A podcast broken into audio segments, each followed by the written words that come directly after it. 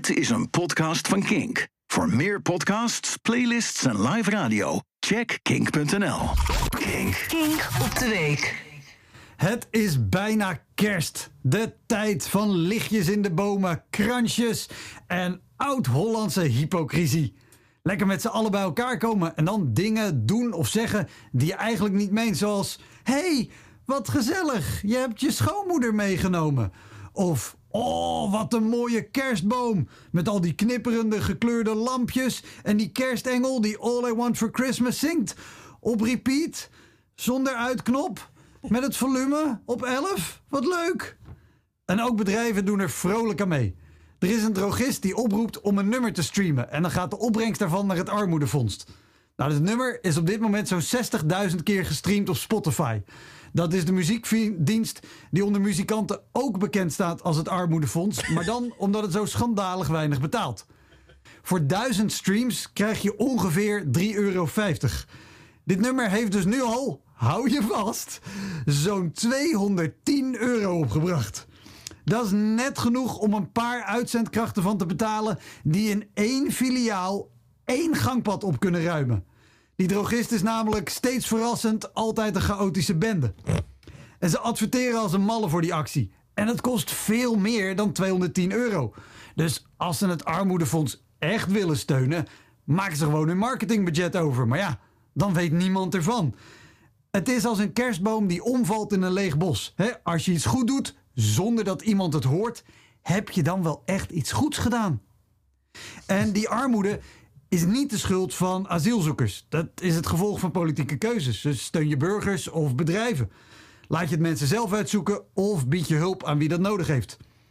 Het doet denken aan een bekende cartoon, waarin een extreem rijke gast voor zich een bord vol met koekjes heeft staan. En naast hem zit een bouwvakker met een bord met maar één koekje. En die miljonair waarschuwt hem: Pas op, gast, die buitenlander aan de overkant van de tafel zonder koekje, die wil jouw koekje afpakken. Kijk, de politiek is sowieso van oudsher een plek waar hypocrisie welig tiert. Neem Pieter Omzicht. Niet letterlijk. Tenzij jullie dat allebei wel willen natuurlijk. Veel plezier. Maar Pieter was tien jaar geleden heel enthousiast over fraudebestrijding bij uitkeringen. Het kon hem niet streng genoeg zijn. En nu doet hij zich voor als superheld met een cape gemaakt van dossiers en wetteksten. En Pieter wil graag een transparante overheid die alles netjes volgens de regels doet. Maar toen Dylan Jezelgus afgelopen week tegen alle gebruiken in de Eerste Kamer wilde opdragen wat ze moesten doen, was Pieters NSC daar helemaal voor. Want in de kleine lettertjes van zijn nieuw sociaal contract staat: We zijn voor een nieuwe bedrijfsbestuurscultuur en rechtsstatelijkheid, maar als we kunnen regeren, laten we al onze principes varen. Jezelgus wilde namelijk dat de Eerste Kamer zich nog niet zou uitspreken over de spreidingswet. Dat is een wet die moet regelen dat asielzoekers eerlijk worden verdeeld over het hele land.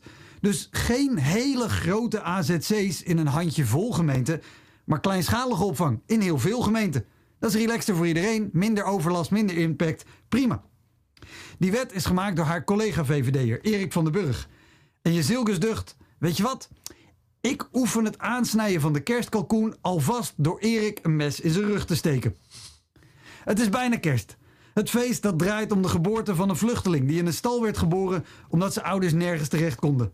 Een vluchteling die sprak van vrede op aarde, je naaste liefhebben, opkomen voor de zwakkeren en eerlijk delen.